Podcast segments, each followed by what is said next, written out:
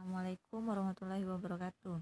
Balik lagi di podcast saya. Perkenalkan saya Ika Oktaria, saya sebagai host dan di podcast kali ini saya akan mendatangkan narasumber yaitu Fadia, mahasiswa TCB Prodi Perbankan Syariah. Di sini kita bakalan tanya jawab tentang materi produksi dalam ekonomi Islam. Baik, langsung saja kita tanyakan seputar materinya. Apa sih pengertian produksi dalam ekonomi Islam? Baik, terima kasih Kak Ika atas pertanyaannya. Akan saya jawab.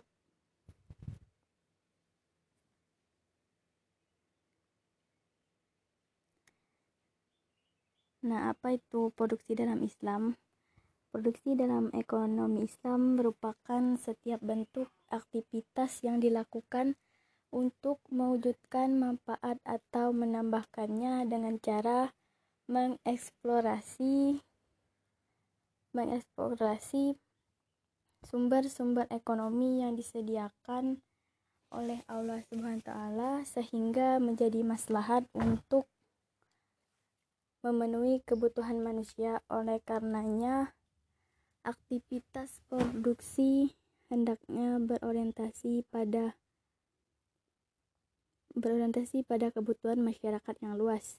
Sistem produksi berarti merupakan rangkaian tidak Rangkaian tidak bisa terpisahkan dari prinsip produksi serta faktor produksi. Prinsip produksi dalam Islam berarti menghasilkan sesuatu yang halal yang merupakan akumulasi dari proses produksi mulai dari sumber bahan baku sampai dengan jenis produk yang dihasilkan, baik berupa barang maupun jasa. Sedangkan faktor-faktor tenaga kerja faktor modal, serta faktor manajemen pengertian produk produk tidak dapat dilepaskan dengan kebutuhan. Produksi berarti memenuhi semua kebutuhan melalui kegiatan bisnis karena salah satu tujuan utama bisnis adalah untuk memenuhi kebutuhan dan keinginan manusia. Untuk dapat mempertahankan hidupnya, manusia membutuhkan makan, minum, pakaian, dan perlindungan.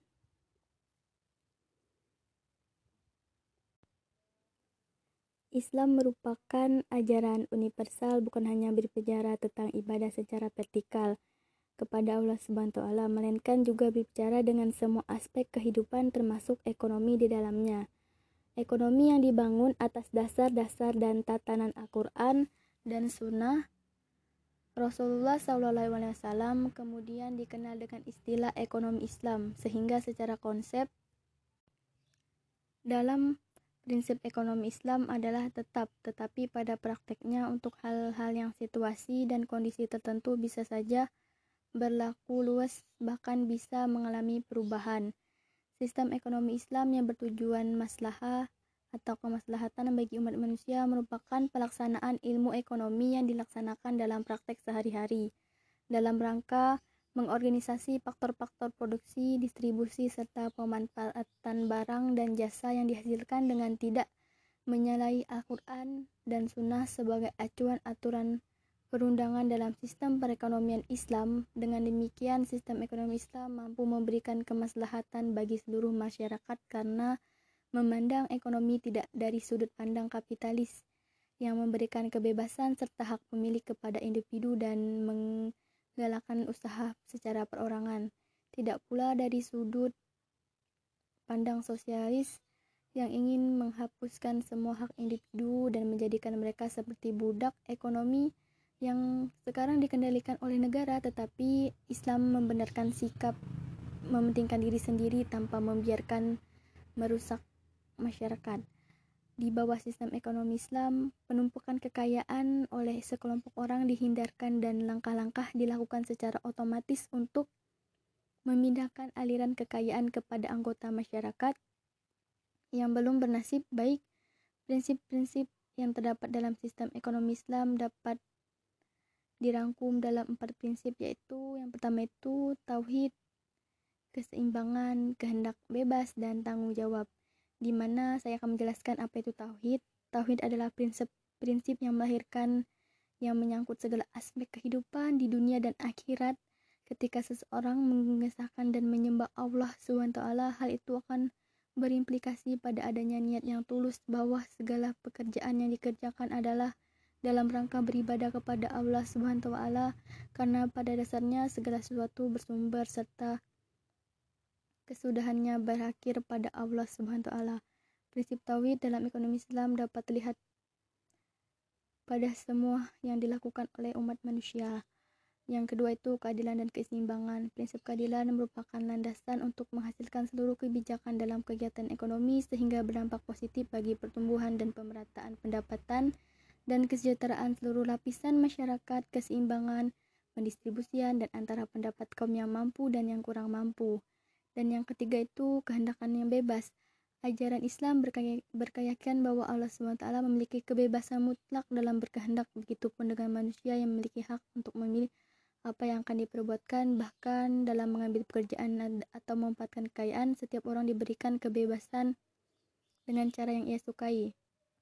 Namun demikian, manusia baik dalam baik adalah manusia yang mampu menggunakan kebebasan itu dalam rangka menerapkan tauhid dan keseimbangan dalam hidupannya, kehidupannya.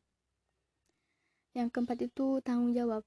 Dalam prinsip ekonomi Islam, kebebasan yang diberikan setiap orang berbuat sesuatu dalam mengambil pekerjaan apa pun atau memanfaatkan kekayaan dengan cara yang ingin sukai tentunya harus setiap bertanggung jawab terhadap yang menjadi pilihan. Uh, seperti itu jawaban dari saya Kak Ika tentang uh, apa itu secara detail apa itu produksi dalam perspektif ekonomi Islam. Baik, terima kasih. Uh, uh, pertanyaan selanjutnya sebutkan dan jelaskan aspek dalam produksi ekonomi Islam. Baik, pertanyaannya sangat bagus sekali. Saya akan menjawab pertanyaannya yang pertanyaan dari Kaika uh, yang tadi uh, pertanyaannya adalah uh, aspek berapa uh, aspek dalam melakukan produksi ini uh, aspek dalam melakukan produksi oleh seorang muslim ini ada ada lima yang pertama yang pertama itu berproduksi adalah ibadah sama saja seseorang muslim mengaktualisasikan ibadah bersama dengan bisnis yang dijalankannya. Yang kedua itu faktor produksi yang digunakan untuk menyelenggarakan produksi sifatnya tidak terbatas untuk menggunakan manusia perlu berusaha mengoptimalkan segala kemampuan yang telah diberikan Allah kepada dirinya. Seseorang muslim tidak akan kecil hati bahwa sesungguhnya rizki adalah dari Allah. Yang ketiga itu seorang muslimnya ini bahwa sesuatu yang dikerjakan dengan ajaran Islam tidak membuat hidupnya menjadi sulit. Nah, artinya sesuatu yang telah telah diwajibkan Allah kepada kita itu sebenarnya tidak akan menyulitkan kita sama sekali. Malahan sesuatu yang diwajibkan itu akan membuat hidup kita selalu berkah dan selalu bisa merasa bersyukur apa yang telah diajarkan Allah selama hidup kita. Dan yang keempat itu berproduksi bukan hanya mencari keuntungan belaka. Dalam Islam, harta dan titipan Allah sebagai amanah untuk dikelola mencapai kemaslahatan. Nah, di dalam Islam pun kita harus selalu bersedekah kepada sesama umat karena harta yang dititipkan Allah itu sebenarnya ada hak-hak dari mereka untuk kita bagikan sebagian dari harta kita tersebut. Nah, yang kelima itu uh, aspek dari seorang muslim dalam produksi itu yang kelima seorang muslim menghindari praktek produksi yang mengandung unsur haram atau riba, pasar gelap, dan spekulasi. Nah, dari yang perta yang kelima ini kita dilarang untuk semua aspek yang mengandung haram apa pun itu seperti yang mengandung riba. Karena riba itu sangat tidak baik dan dalam praktik ini kita juga tidak boleh karena riba itu haram.